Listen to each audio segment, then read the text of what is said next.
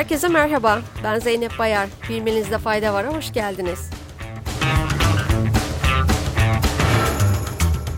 Haftanın son gününde ilk haberimiz Amerika Birleşik Devletleri'nden geliyor. ABD'de çekirdek enflasyonun Eylül ayında 40 yılın zirvesine ulaşmasının ardından ABD Sosyal Güvenlik Kurumu yardımlarını 2023'te %8,7 artıracağını bildirdi.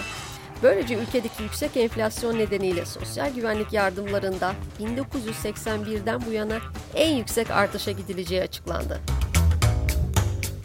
Fransa'da yaşanan akaryakıt krizi nedeniyle istasyonlardaki benzin kuyrukları günlük hayatın bir parçası haline geldi.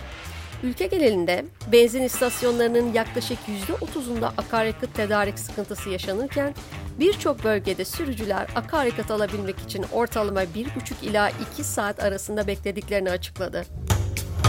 Çinli elektronik araç üreticisi Xpeng tarafından üretilen bir uçan araba, Birleşik Arap Emirlikleri'nde ilk uçuşunu gerçekleştirdi. Dubai'deki 90 saniyelik test uçuşu sonrası açıklama yapan şirket yetkilileri, elektrikli uçağı uluslararası pazarda piyasaya süreceklerini belirtti. Finlandiya'da sağlık yetkilileri geçtiğimiz salı günü Rusya'nın Ukrayna'ya saldırıları nedeniyle doğabilecek nükleer kaza ihtimaline karşı hanelere iyot tedarik stoğu yapma çağrısında bulunmuştu.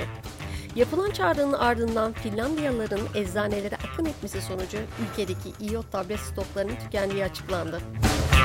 Alman Tabipler Birliği, COVID-19 vaka sayılarının yüksek olduğu bölgelerde, toplu taşıma ve kapalı alanlarda tekrar maske takma zorunluluğu getirilmesini önerdi. Hastanelerde COVID-19 testi pozitif çıkan hastaların sayısının bir önceki haftaya göre iki kat arttığını açıklayan Alman Tabipler Birliği, yoğun bakım servislerinde de COVID-19 hastalarının sayısının arttığını belirtti. Bugünlük bu kadar. Haftaya tekrar görüşmek dileğiyle. Hoşçakalın.